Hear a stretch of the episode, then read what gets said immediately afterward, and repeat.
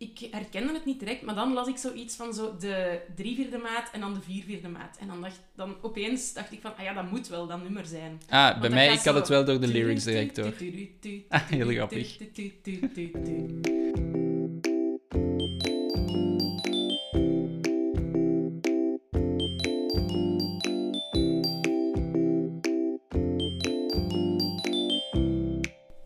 Goed, hier zitten we weer. Ja. Lisbeth. Hey Gert-Jan. Hey, Lisbeth. We zijn ehm, weer samen om een nieuw boek te bespreken vandaag. Jazeker. We gaan het vandaag hebben over Dat beloof ik van Roxane van Iperen. En Oh, ik- wauw. Ik heb net al ontdekt dat ik heel tijd Roxanne van Iperen dacht. Ah ja, het is ik- duidelijk Roxane. Ja, het ding is, het is een Nederlandse. Ja. En ik heb zelf altijd gehoord dat, dat ze haar naam uitspreekt als Roxane van Iperen. Dat is zo'n beetje als in Nederland ook zo, zo Matthias of Matthias. Ah ja, maar Zo. het lijkt me ook helemaal Ja, logisch. voilà. Dus ik ga, ik ga Roxane van Iperen zeggen en als dat niet helemaal juist is, sorry. Mijn, mijn, het is nu al geslaagd, ik heb al iets bijgeleerd. Ja, wel, voilà, kijk. Kijk. Maar eh, had jij al ooit van haar gehoord? Nee, nog nooit Nee. eigenlijk, nee. Ah ja, ik had dus al ehm, twee boeken van haar gelezen. Want Roxane van Iperen is dus een Nederlandse eh, schrijfster. En zij is eigenlijk opgeleid als jurist. Mhm. Dus zij heeft ook wel al zo wat een carrière switch gemaakt. Allee, of gewoon een, een heel verschillende carrièrepaden al bewandeld. Ja. Ehm, maar ik heb haar eigenlijk leren kennen met het boek Het Hoge Nest. Een boek over de Tweede Wereldoorlog. ja. Maar het coole daaraan is, ehm, zij heeft jaren geleden dus een huis zo in de regio van Amsterdam gekocht. Mhm. En dan bleek dat huis in de Tweede Wereldoorlog gebruikt geweest te zijn als onderduikadres voor het verzet. Dus dat zijn Ah, twee ja. zussen, de zussen Brillenslijper, als ik me niet vergis, die daar dan zo ehm, voor heel veel Joodse mensen onderdak boden. En dan zo met heel veel zo valse wanden en zo ehm, geheime ruimtes in dat huis. En dus zij is daar een onderzoek naar gaan doen en heeft eigenlijk Ja. dat verhaal verteld. Ah ja. En dat vond ik eigenlijk een super, super goed boek. Ah, en daarom dat je mij hebt overtuigd om dit te lezen. Ja, voilà. Oké. Ehm, en eh, wat ik trouwens ook deze week hoorde, is dat de filmrechten van het Hoge Nest verkocht zijn aan ehm Caris van Houten en Halina Oh, Rijn. Caries van Houten. En die Ja. herinneren we ons van... Eh, van heel veel films. Minous. Ja, maar ook van Eh, ehm. Game of Thrones, daar heeft ze Ja. gespeeld. En dingen, een, ik vond dat wel een Savas-serie. Ehm, Red Lights. Ja, vond ik heel goed. Ja, Dat hebben Caris en Halina samen gemaakt. Die hebben zo'n cool. productiebedrijf. Dus nu... Dus het is wel seriegewijs gekocht. Eh, ik denk de filmrechten. Filmrechten, Ja. oké, cool. Maar dat is dus echt... Vond ik een super, super goed boek. Oké. En Roxane van Nipperen is ook wel columnist en essayist. En Mhm, ik heb ook eh, vorig jaar van haar een essay gelezen, Eigen welzijn eerst. Ehm, en dat gaat zo over de middenklasse in Nederland ehm, en hoe dat volgens haar, zo de maatschappij in Nederland, is een beetje geëvolueerd van redelijk tolerant naar een beetje terug minder tolerant voor Ja. iedereen die niet Nederlands is of niet in Nederland is ja, geboren. het is ook een beetje een kritiek tegen zo Partij van de Vrijheid en zo. Ja, las helemaal. ik ergens. Ja, want daar heb ik wel over gelezen, Ah, over dat essay. Dat was een super interessant essay, dus dat kan ik u eigenlijk ook wel heel Oh, erg oh. aanraden. Ligt het daar ook? Eh, nee, Ah. ik heb nog een ander boekje mee dat ik zelf nog had liggen. Jij bent de kenner. Eh, dat was het Boekenweek-essay van een paar jaar geleden. Maar ik heb dit nog niet gelezen. Dus ik had dit nu nog mee omdat ik dacht, eh, voor op de trein of zo. Maar dat Eh, heb je niet gedaan. Maar ik heb het nog, ik ben er nog niet in begonnen. Eh, maar dus dat ligt nog wel op mijn stapel. Oké, kijk. Maar bon, dus dat is een beetje om te kaderen Mhm. wat dat ik al van haar gelezen heb. En Ja. dat vond ik eigenlijk allemaal heel boeiend. Dus toen zag ik dat zij eh, nu in mei een eh, nieuwe roman heeft geschreven. Dat beloof ik. Dus vandaar was het een beetje mijn, eh, mijn insteek Ja. om die te lezen. Ja. Voilà. En ik was eigenlijk direct ook enthousiast. Toen, allee, het is een, ehm, als ik de achterflap las, dacht ik, pittig. voilà. Maar ik vond het ook... Maar de cover sprak mij ook wel direct Ja. aan. Want als ik het even ehm, vertel, want er, je ziet een meisje, duidelijk een jong kind, met een fiets, en haar gezicht is weg. mhm. Wat zowel al prijsgeeft, oeh, het gaat over iemand jong gaan, het gaat over iemand gaan die met identiteit worstelt, of hè, zo van die dingen dacht ik er al bij. Dus ik had wel Ja. zin echt om het te lezen. Ik was wel enthousiast. Mhm. Ja, ik was dus ook heel erg benieuwd. Ehm, maar het is best wel een, ehm, een zwaar thema. Of het is al wel een, een serieuze korte inhoud als je het zo leest. Alleen niet per se qua lengte, maar qua thematiek. Mhm. Dus het gaat over een meisje, M, die opgroeit in een context van huiselijk geweld. Heel erg. Ja. Ehm, die geen stabiele thuis heeft en die met haar familie constant verhuist en constant eh, als kind opnieuw moet beginnen. nieuwe school, Ja. nieuwe eh, vriendjes zoeken. Ehm, die dus eh, geen structuur en liefde ervaart bij haar thuis. En dat dus gaat zoeken in andere contexten. Hè, zo Ja, Bij een vriendinnetje thuis, in dat woonwagenpark. Of bij zo'n kunstenaar. ja, ja. eh, die altijd Klopt. extern naar een soort van validatie op zoek gaat die ze thuis niet krijgt. Ja. Eh. En het boek is opgedeeld in vier seizoenen: Mhm. zomer, winter, herfst, lente. Mhm. Dus beslaat eigenlijk een jaar van haar leven. Ja, dat veronderstel ik. Ja. Ja. En hoe, hoe was voor jou de leeservaring? Want bij mij, ehm, ik vond het wel heel vlot leesbaar Mhm, qua taal. mhm. Het was ehm, makkelijk geschreven. Er was weinig, eh, weinig echt in zotte metaforen, zotte zinnen, vond ik.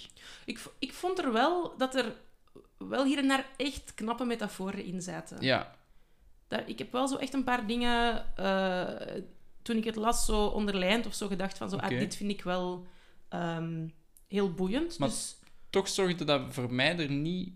Het was zo niet een zware leeservaring. Ik heb het eigenlijk ook heel vlot kunnen lezen.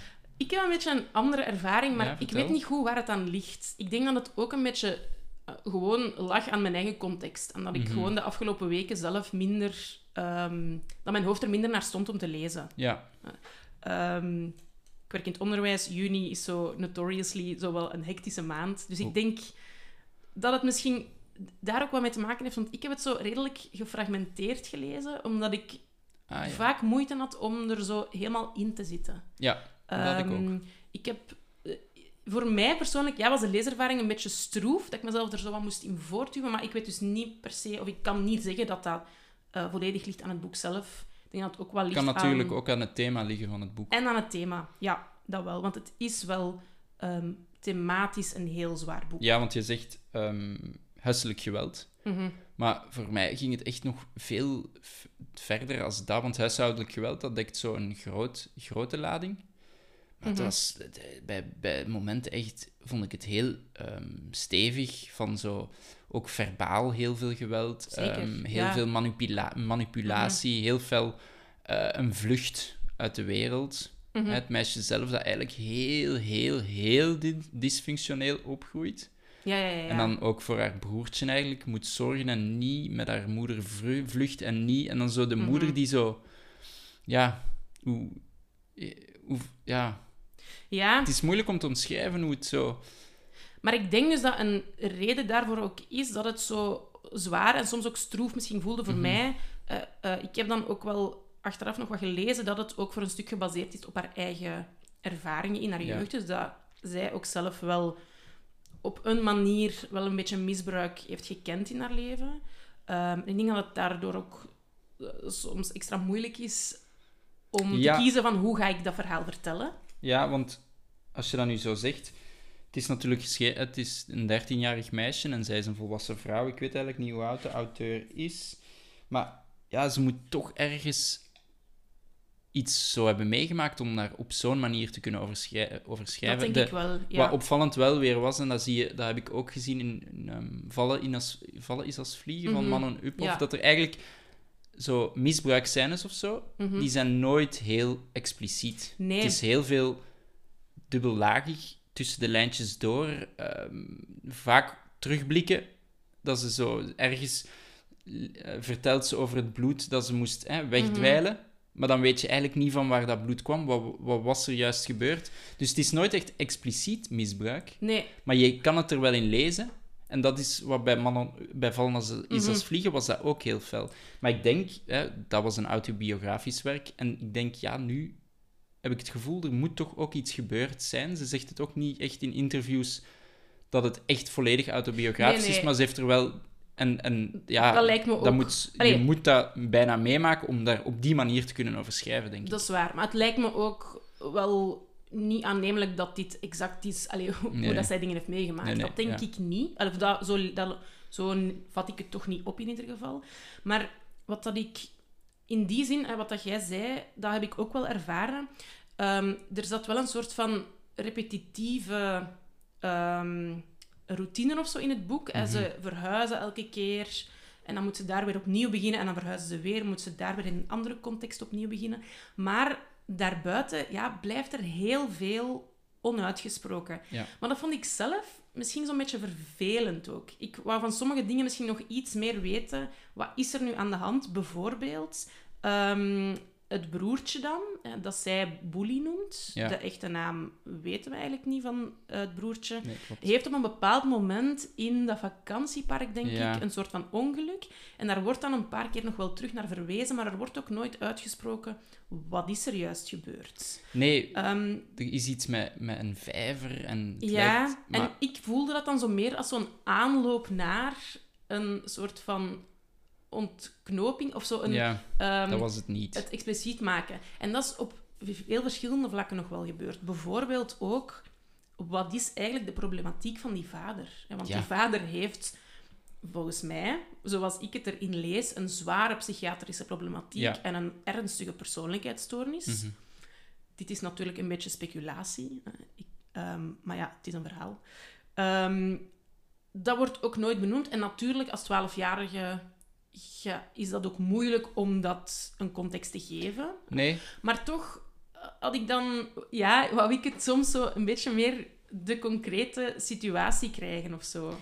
ja, Maar dat krijg, dat krijg je niet. Maar langs de andere kant, zo het moment inderdaad dat het broertje, dat er iets mee gebeurt, ehm, wordt zo het schuldgevoel dat bij haar zit, komt er wel in terug. Dat is waar. Ze wordt ook... Allee, de moeder steekt ook wel deels schuld op haar. Dat staat er ook niet per se letterlijk in, maar door het feit op dat moment verdwijnen zij eigenlijk... Allee, moet ze naar een kostschool of een, een plek om, om alleen te zijn met een grote groep andere kinderen, waar dan ook weer van alles gebeurt trouwens.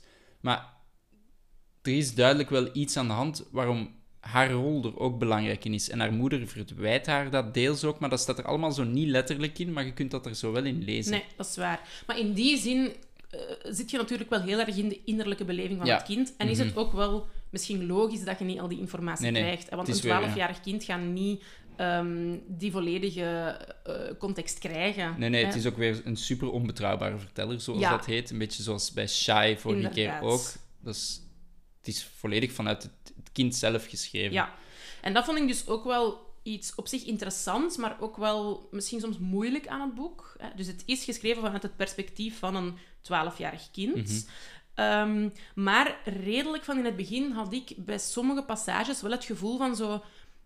Ik vind dit een hele goede observatie, maar ik denk niet dat dit een observatie is die een kind zou maken. Nee, Bijvoorbeeld die eerste nieuwe klas waar ze dan in terechtkomt in het begin van het boek. En Ja. ze komt dan terecht in een klas met ehm, kinderen die wel van de hogere middenklasse zijn, hè, die dan bijvoorbeeld zo oilili kledij dragen. ja.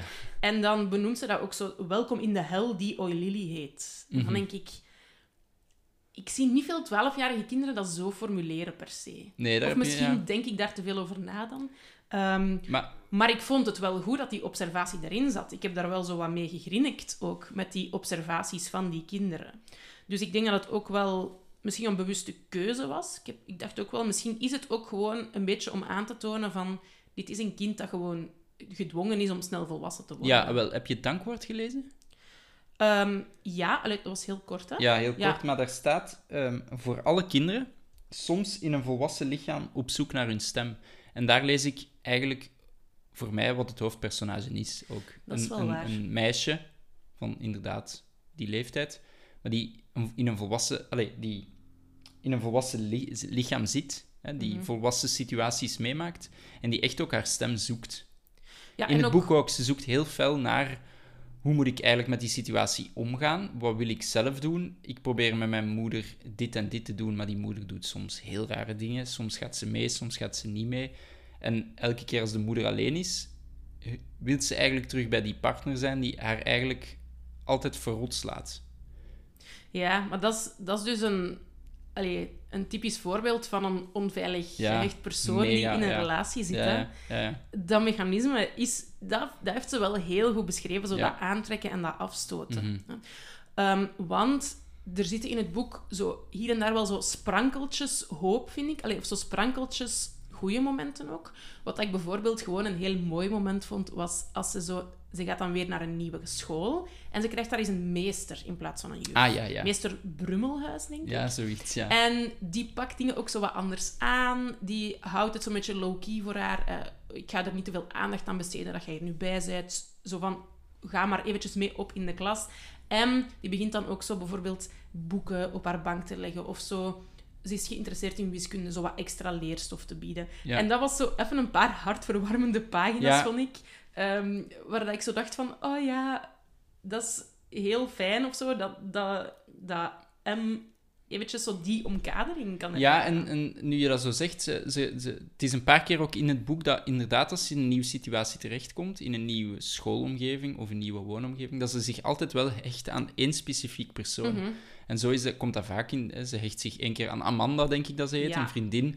Dan hecht ze zich aan Troy, eh, een gastje van ergens met, om de hoek, denk ik. Ja, of Frankie was het eerst. Of Frankie. Ja, ja. Ja, en op het einde... en Tony. en- ja, Tony. En op het einde eh, een, een, een Griekse, Griekse god. Ja, die kunstenaar dus, Die hè. kunstenaar, ja, een Ah, kunstenaar. hoe heet dat nu weer? Iets met een P. het niet... Ja, ik heb het niet Het maakt niet uit, anders zijn het ook spoilers, hè, als we al zeggen. Maar eh, dat is waar. maar je maar- merkte duidelijk dat ze zich elke keer echt heel veel daaraan hechten. Ja, ja, ja. En dat elke keer als die persoon terug weg was, wat buiten haar, hè, buiten haar eh, keuzes gebeurde, hè, omdat zij besliste niet om te verhuizen, zij besliste nee, niet om nee, ergens dat is aan... hè. En dan hechten ze zich altijd opnieuw aan een persoon, persoon, en dat zorgde er wel voor, ook voor bij mij, bij het lezen, dat het zowel altijd vernieuwend genoeg was. Dat is waar. Wat ik bijvoorbeeld ook een heel mooie scène vond dan, was als ze met Amanda en haar ouders mee in die nieuwe auto mag gaan Ja. rijden. Mhm. En dan komt er opeens een nummer op de Ja. radio. Eh, Golden Brown van Brown, eh, ja. The Stranglers. Ja. Ehm, want ik, ik herkende het niet direct, maar dan las ik zoiets van zo de drie vierde maat en dan de vier vierde maat. En dan, dacht, dan opeens dacht ik van, ah ja, dat moet wel dat nummer zijn. Ah, bij Want mij, ik had het wel door de lyrics direct door. Ah, heel grappig.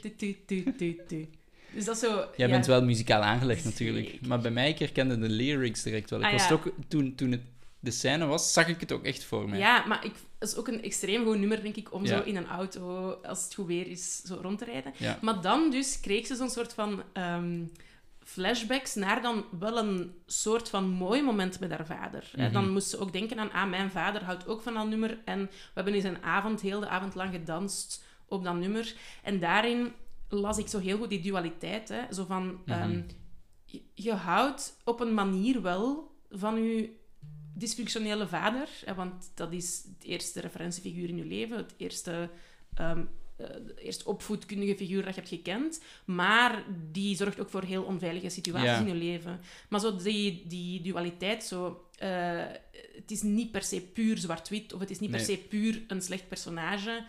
Dat vond ik daarin wel zo een, ehm, een goed moment om dat ook in te zien. Ja. En ik denk ook wel dat... Allee, dat zit ook wel een beetje in het boek, vind ik. Zo die dualiteit van elke situatie. Het is... eh, een situatie kan super vreselijk zijn en totaal niet geschikt voor een kind om in op te groeien.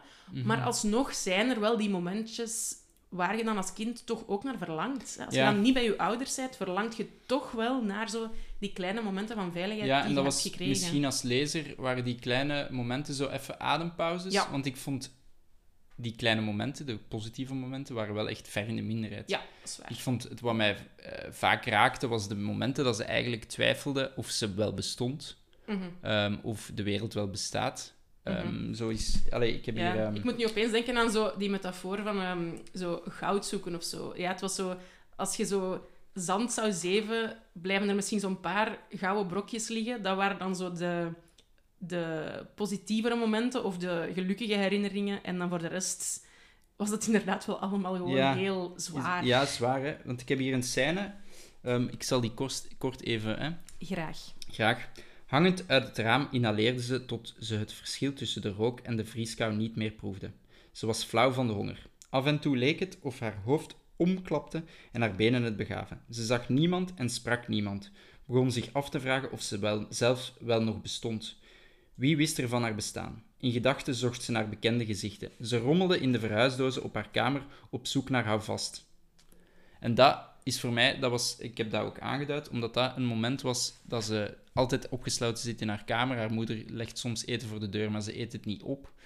Ehm, en dan ook die verhuisdozen die hier ook worden benoemd, is eigenlijk, je merkt dat heel fel in het hele boek ook, dat verhuizen, dat heeft zo'n grote impact, waardoor ze echt twijfelt aan, besta ik wel, weten mensen wel van mijn bestaan? Want elke keer die houvastfiguren, waar we het daarnet over hadden, die zijn ook elke keer weg. Ze moet elke keer ook opnieuw beginnen.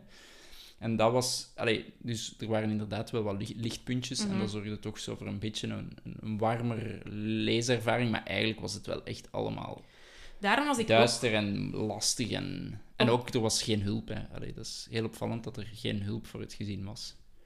Nee, maar ik denk dat dat is een soort van strategie natuurlijk die gebruikt wordt door die vader, denk ik vooral. Hè, van we gaan zo snel mogelijk terug verdwijnen als je maar heel kort ergens verblijft, is er gewoon, kan heel het netwerk van zorg of van hulpverlening niet worden opgestart. Nee, klopt. Maar wat ik ook wel tegen het einde van het boek frappant vond, is dat ik dacht van, ah ja, we zijn nu in de lente van hetzelfde jaar. Alleen zo van één ehm, periode, eigenlijk van één jaar, uh, van de zomer tot de lente. En dat voelde voor mij echt alsof er drie jaar gepasseerd was. Ja, ja, ja. Zo, er is zoveel gebeurd in dat jaar, in het leven van M. Dat is, je, kunt bijna niet, je kunt dat bijna niet geloven dat dat op één jaar tijd gebeurde. Nee, nee, dat is... Ik wou het ook nog wel eventjes hebben over de namen in het boek. De namen in het boek. Ja. Verklaar je nader. Wat dat mij dus van in het begin opviel, was dat elk personage een naam kreeg, behalve het gezin. Ja, het gezin ah. eigenlijk. Ah ja, het gezin. Ik, ik weet niet hoe de moeder heet, ik weet niet hoe de vader heet en ik weet niet hoe het broertje heet. Nee. En daar wordt wel ook een paar keer op gealludeerd. En dus ook dat aspect ehm, is bij mij iets waarvan ik dus de hele tijd dacht, er gaat een ontknoping komen.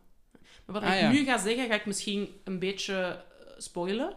Dus als je het boek nog niet gelezen hebt en je wilt het heel graag lezen, dan is het misschien interessant, als je er helemaal niks over wilt weten, om nu eventjes te stoppen. Of zo wat door te spoelen. Of een beetje door te spoelen. We zullen er niet drie, vier, vijf minuten over hebben.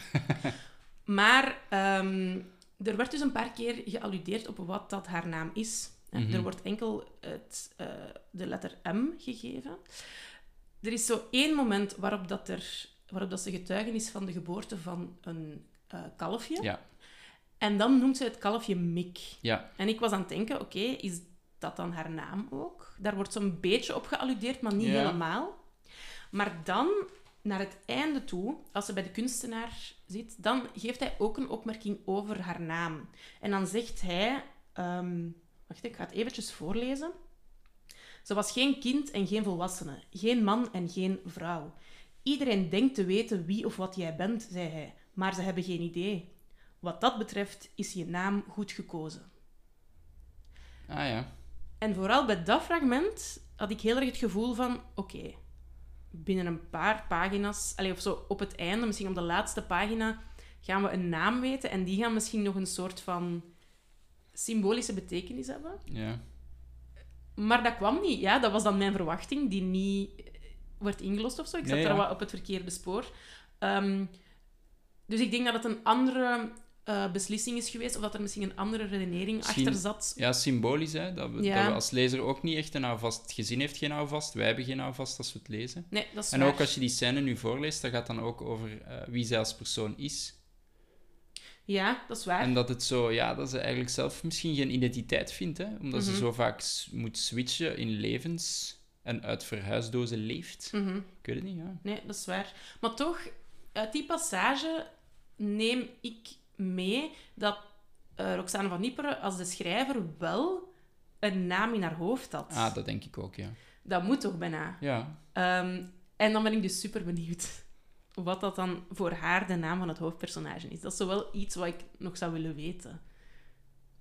Ja. Maar gewoon, ja. Ja, Lisbeth. Dat weten we dus niet. Nee. Dus op dat vlak, het heeft me dan ook wel verrast, hè, want ik had verwacht dat dat zo'n beetje het einde ging zijn, maar het heeft dan een andere wending genomen of zo nog voor mij. En uiteindelijk is dat ook wel tof als een schrijver u ook nog kan verrassen. Ja, ja. Zo, als het niet verloopt zoals dat jij denkt dat het gaat verlopen. Ja. ja. En werd je blij dat het eindigde zo wat in Antwerpen? Zeker. Ja, ik woon in Antwerpen, dus ah, dat ja? was... Ja, dat was opeens zo... Ah ja... Um, ah, dat ken ik. Antwerpen Centraal. nou, leuk. Dat is de echte local die ik ben. Ja, de locals. Nee, ja, uh, ja dat was herkenbaar, maar bon, allez, dat had ook een andere stad kunnen zijn. Um, maar ik vond het einde overal wel... Um, open? Ja, open, maar wel goed. Allee, of, het was wel... gevend. Voilà. Ja, ja, dat het snap was ik. wel nog satisfying. Ja. En ja, gehoopt dat het verder Allee. beter gaat verlopen. En wat vond je, want daar straks zei ik het ook, een derde had eruit kunnen geschrapt worden? Nee? Ah, wel, dat bedoel ik, dat bedoelde Dat ik ook met ik dat toch. repetitieve, Ja. inderdaad. Hè, het is... Een, eh, ja, ik vond ook een paar contexten misschien te veel. Allee, zo... ehm, en Amanda en het vakantiepark. En Ja. dan die rare Waalse manege, denk ik. Ja, die, ja. En dan dat woonwagenkamp en zo. Ja. En dan de maar bon, en- ik denk dat dat misschien ook de bedoeling is van het boek. Ja, ik denk het en ook, misschien maar- was het ook minder ja. sterk geweest als het niet zo duidelijk was van oké, het is wel keer op keer op keer op keer een nieuwe context. Ik zou ook nog wel iets willen vragen aan ehm, iedereen die nu aan het luisteren is. Eh, want we zijn ook wel altijd heel benieuwd wat jullie erover denken. Ehm, en in Spotify kan je vanaf nu ook zo Q&A-vragen toevoegen aan een aflevering. Ehm, dus ik zou het nog wel graag eventjes met jullie verder hebben over zo het vertelperspectief. Eh, Het feit dan dat een volwassen auteur schrijft vanuit het perspectief van een kind. Ehm, wat vonden jullie van dit boek? En vinden jullie dat er andere auteurs zijn die volgens jullie er heel goed in slagen om vanuit het standpunt van een kind te schrijven? Daar zijn we eigenlijk wel heel benieuwd naar. Dus als je de aflevering luistert nu op, eh, op Spotify dan, is het specifiek, zou het heel leuk zijn als je een reactie zou achterlaten. Ja, voilà. En veel inspiratie in young adult boeken en zo. Hè. Ja, zeker. Die, vertelsperspectief. Maar dat vind, ik, dat vind ik dan dus nog zo twee verschillende dingen. Hè. Ah, ja. een, een roman of een jong eh, adult boek.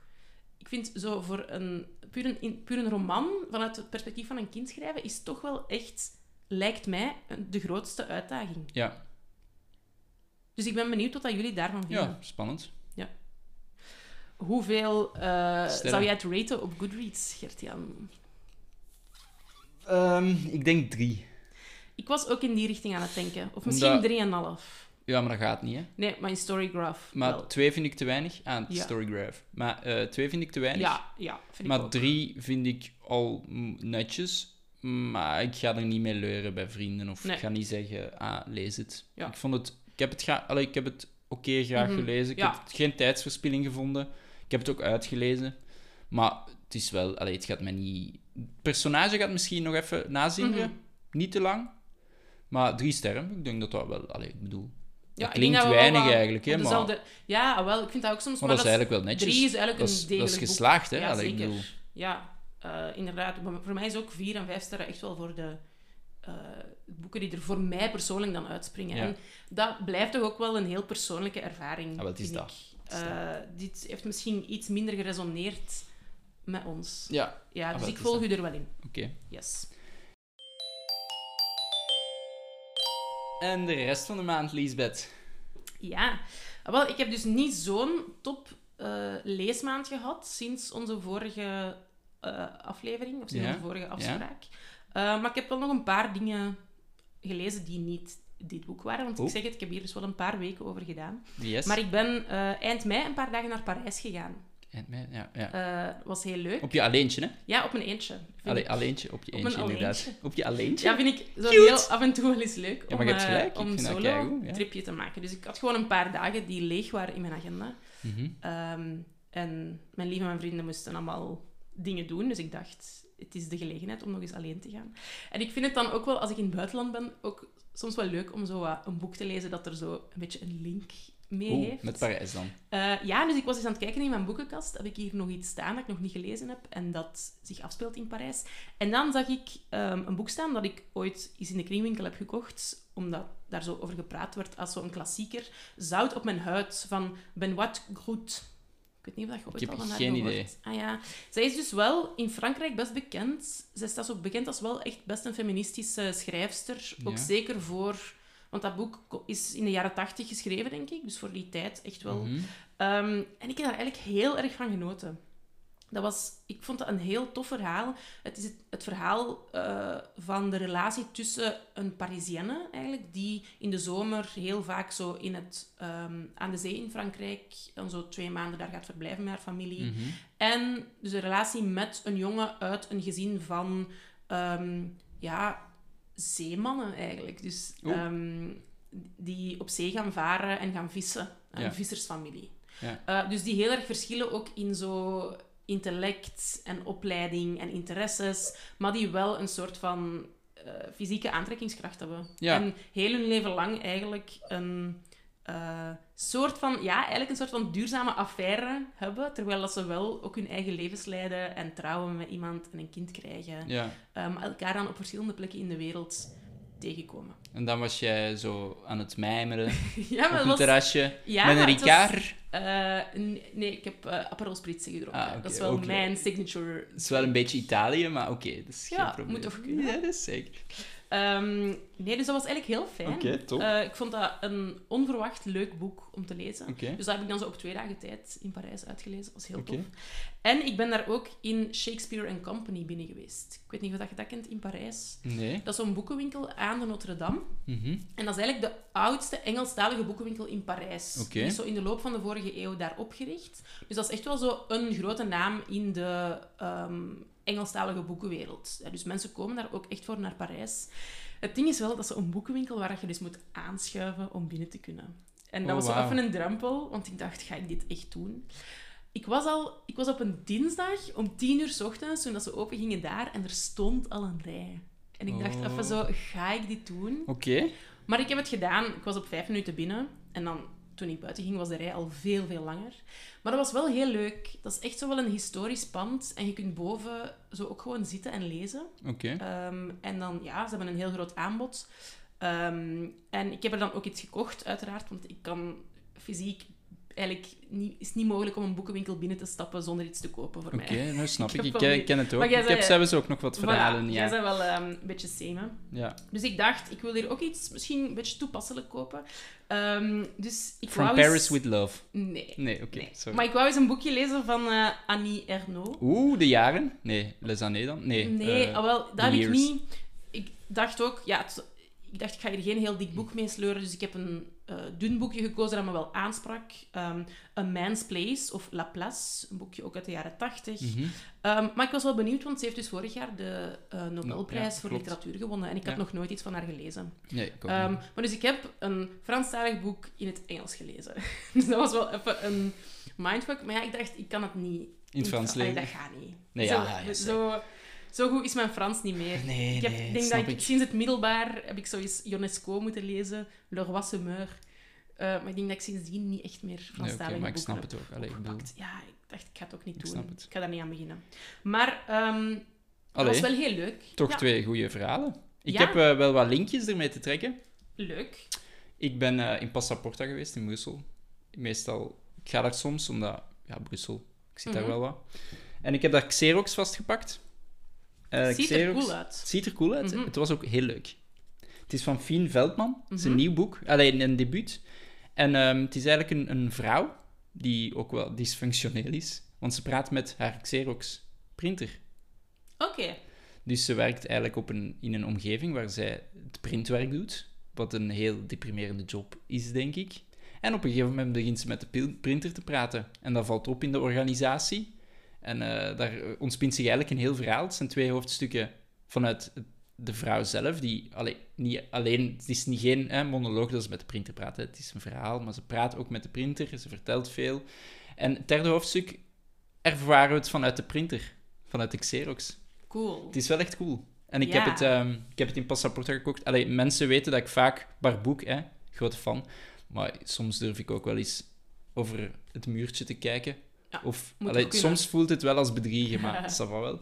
Dus dat heb ik gedaan. Amai, dit klinkt wel echt als iets dat ik ook heel tof zou Ah, wel, vinden. en ik heb het eh, bij Barboek ook getypt en eh Annelien ging het eh, ook eens lezen. Oké, dus misschien daar te koop. En ik ben ook in ehm, dingen, hoe, de replica geweest. Ken je de replica? Nee. Dat is een boekenwinkel in Molenbeek. Ah, Nog nee, niet van gehoord? Nee. Ah, dat is nieuw. Daar kan je ook koffie drinken, Leuk. natuurlijk. Hè. Een boekenwinkel zonder koffie. Dat, dat is tegenwoordig geen maar het is, boekenwinkel meer. hè? nee, nee, het is hip. Het is hip. Ehm, het is een klein winkeltje in Molenbeek eh, met Nederlandstalige boeken. Allemaal ehm, redelijk recente boeken. En daar heb ik een poëziebundel eh, gekocht. Voor alle dagen. Voor alle dagen. Hè. Het is een bloemlezing voor beginners en kenners. En wat er leuk aan is, is eigenlijk... Hè, je gaat naar de inhoudsopgave. En daar staat... Voor als je een figurant voelt. Ah, Voor als je hitsig bent. Voor als je verliefd bent, voor als je kwaad bent. Dus je kan de hoofdstukken... Allee, het is eigenlijk opgedeeld op emoties, Ja. op hoe je je voelt. En dan kan je een gedicht ervan lezen. En het is met gedichten van wel bekende mensen. Peter Verhelst zie ik hier als ik even doorblader. Gerrit Ko- Krol. Ehm, ja, van die allemaal verschillende eh Amai, po- leuk. bundels. Goeie En eh, de dame van de winkel, mij- ik denk dat ze onze leeftijd heeft, zei: Dit is mijn favoriete bundel. Het was een heel, vri- heel vriendelijke, heel fijne tof. boekenwinkel. Ja, Goed. en, ehm, ah, en ook over rijen gesproken. Je was er net over in een rij staan bezig. Mhm. Ik ben deze maand naar eh, Meet the Author met Ilya, Leonard Pfeiffer geweest. Ah, het was hier in Leuven zeker? Nee, ja, ik ben in Moesel geweest. Ah, oké, oké. Met Alcibiades.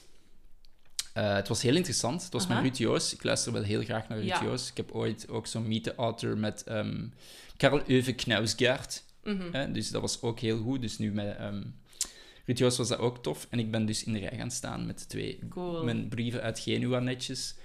En eh, ik heb wat gesmaltalkt met Ilya Leuk. over mijn naam.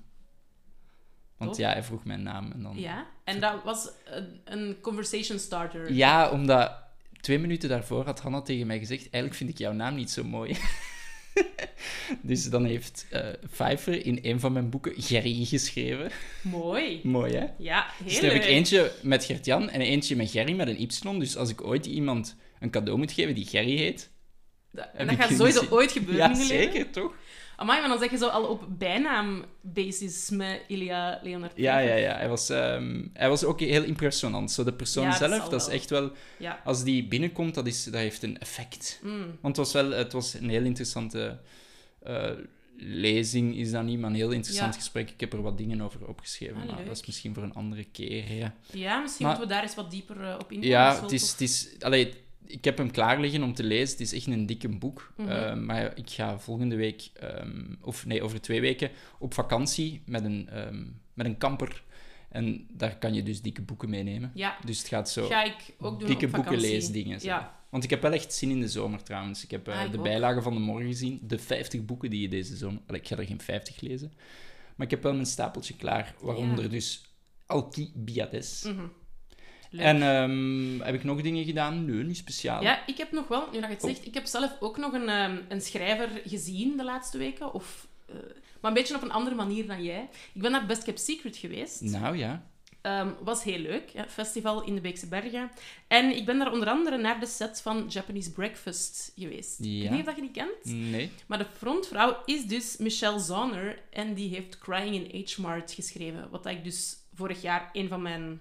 Ja, dat was een van mijn favoriete boeken eigenlijk die ik gelezen heb. Ah ja, oké. Eh, maar die, die maakt dus muziek en heeft dus ehm, twee jaar geleden ondertussen al, denk ik, een boek uitgebracht. Ja. Dus dat was wel heel tof om haar nu ook eens live bezig te zien. Tof. Want ik ben ook wel echt fan van haar muziek. Ja. Dus het was heel leuk. En na Japanese Breakfast was de set van Arlo Parks. Vind ik oh, ook heel ja, leuk. dat ken ik wel. En ik heb net gelezen dat zij ja. ook ehm, in september, ja, in september een dichtbundel gaat uitbrengen. The Magic Border. Dus dat is misschien wel een leuk nieuwtje. Allee, of iets leuk om naar uit te kijken. Ehm, het gaat een deel eh, onuitgegeven poëzie zijn en een deel lyrics van haar laatste album My Soft Machine. Ja, oké. Ja, was ook heel leuk, een toffe set. En wat ik mij nog afvroeg, Lisbeth, is ehm, of je Selling Sunset hebt uitgekeken. Zeker al een tijdje geleden. Ah, oké, ja. Oei, het is al lang geleden. Maar, eh, Ja, want we doen hier altijd zo van die serieuze die, maar eigenlijk... Hè. Allee, ik heb gisteren de laatste aflevering van Million Dollar Island gekeken met Ingeborg.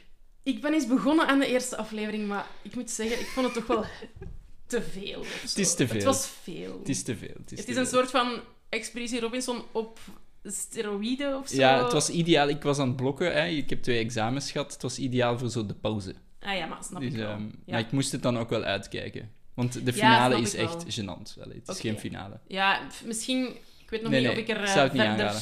aan ga beginnen. Ah, maar ik heb wel vorige week ook iets heel tof gezien op streams. Want dat is ook op streams, hè? Ja, Million Dollar. Islands. Ehm, vorig jaar heb ik ook een heel tof boek gelezen van Dolly Alderton. Ja, dat ken Everything ik I wel. Dat ken ik. Ja, dat ken ik. En daar is ook een serie van gemaakt. Oh. En die staat sinds twee weken of zo op streams. Everything I Know About Love. Oké, En het is super tof. oké. Ik, eh, het zijn zo acht afleveringen. Het, ehm, het is dus eigenlijk... Ja, het ding is... Het, het boek zelf kun je het misschien zo'n beetje opvatten als zo'n beetje dagboekachtige Mhm. essays over dingen die ze in haar leven heeft meegemaakt als tiener.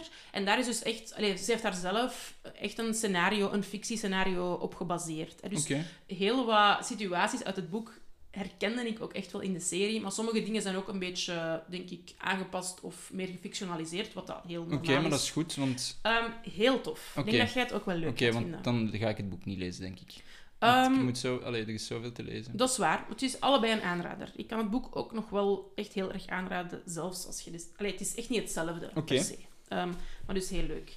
En ik heb ook nog wel een paar boeken die er aankomen waar ik nog naar uitkijk. Dat, heb ik, dat hebben we eigenlijk nog niet zo vaak behandeld. Nee, nee, Allee, ik heb dus nu Arlo Parks gezegd, maar Hannah Barvoets gaat een nieuw boek uitbrengen in Ja. oktober. Oké. En daar kijk ik ook wel echt naar uit. Ehm, ik heb al een paar dingen van haar gelezen, waardoor ik echt wel... ehm, of waar ik wel van onder de indruk was. En ik ben zeker van, sinds ehm, haar kortverhaalbundel Een Modern Verlangen. Want, dat is misschien iets wat jij ook interessant gaat vinden. Een van haar kortverhalen is eigenlijk gebaseerd op folklore van Taylor Swift. Oh, wauw. Zo één verhaal begint echt met zo ehm, een confession aan Betty. En zo Ah, ja. in het lied Betty, dat Mhm. begint ook met zo... Betty, I will make assumptions. Ja, Oh, ja. Dus, ja. ehm, dus dat leest echt zo'n beetje als die lyrics. Oké. Dus ik las dat en ik was meteen zo... Oh my god, dit is gewoon Taylor Swift. het En dan is er ook een personage dat Ines heet. En, En dat is een, een, kort verhalenbundel. Ja, een modern verlangen. Een modern verlangen, ja. Dus eh, het is zo'n beetje een soort van science fiction verhalen, maar zo op een hele leuke manier. Er zitten echt een paar toffe verhalen Oké, goed, goed. Maar dus haar nieuwe, Zin boek, in, zin in. haar nieuwe boek heet eh, Leer me alles wat je weet. En het wordt een familieroman. Dus eigenlijk iets anders, denk ik, dan wat dat ik tot nu toe al van haar heb gelezen. En dan, ehm, wat ik nog als laatste even wil aanhalen, is eh Zita Teuning komt ook met een nieuw boek. Zita Teuning. Ik weet niet of dat jij ooit het woord spectaculair beloofd Ja, hebt gelezen. nee, niet gelezen. Niet gelezen, nee, Nee, maar dat is niet erg. Maar ik ken het wel. Ehm, voilà, is, het is wel... Dat is zo die enveloppen. Ja, ja, inderdaad. dat enveloppenboek, ja. Ja. Nee, niet gelezen. Nee, dat is niet erg. Ehm, maar ze komt met een nieuw boek. En ik denk dat veel mensen daar ook lang op aan het wachten waren. Ja, want ik denk dat mijn zus bijvoorbeeld heel veel fan was van Ah ja, boek. dus dat is zes jaar geleden dat dat Ja. boek uitkwam. En nu heeft ze een nieuw boek dat dit jaar uitkomt. Dit is niet wat er zal gebeuren. Oké. Dit vind- is niet wat... Ja, Ik vind dat zij wel al eh goede punten scoort met haar titels. oké. Zo, ik vind de Ah, ja. titels grijpen wel uw aandacht of zo. Ehm, maar het gaat, het is eigenlijk biografische fictie, want Mhm. het gaat over een vrouw die op het punt staat om te bevallen van een tweeling. En zij is in het verleden, alleen vorig jaar of zo denk ik, effectief ook bevallen van een tweeling. Dus het gaat heel erg over ja, Ja. onvruchtbaarheid en zwangerschap. Oh, oh, en ja. ja, die thema's wel. Maar ja, geen Ehm, problemen. Maar ik denk dat veel mensen het wel leuk nieuws vinden dat er een nieuw boek aankomt. Ja, Voilà, oké. dus dat vond ik toch wel ook de moeite waard om te vermelden. Want ze heeft ooit ook al hier in de podcast gezeten. Oh, In het vorige seizoen. Ja, eh, ik heb haar ooit geïnterviewd over haar nou, eh debuutroman. Ja, goed. dus dat was leuk. Oké, goed. Bedankt. Ehm, dan misschien wat we de volgende keer gaan lezen. Ik dacht, ja, Lisbeth is in Parijs geweest, dus misschien hè, de Mhm. link met Parijs. Nee, dat is eigenlijk gewoon toeval. Ja, maar het is Ehm, een leuk toeval. Het is een luister van Sascha Bronwasser. Eh, ik weet niet, we zullen na het lezen zien of ik het juist heb uitgesproken, haar naam. Perfect. Eh, het is een boek dat mij vaak al getipt is. Ehm, ook weer door mijn boekentipgevers. Ehm, het gaat over Parijs onder andere. Het is haar tweede roman. Dus ze heeft al een debuut eh, uit waar wel wat zaken over gezegd worden. En het is een onweerstaanbaar. Sanja, Sacha Bronwasser wekt Parijs tot leven in deze sterke roman over een au pair. Dus je weet wel, een au pair, Mhm. is Frans, hè? Voor... Allee. Ja. Moet ik het uitleggen? Want ja, je kan- Frans... Nee? Ik kan wel een beetje Frans. Oké, ik kan, geen probleem. ik kan gewoon geen gaan- Franse literatuur lezen. Ah, Oké, oké.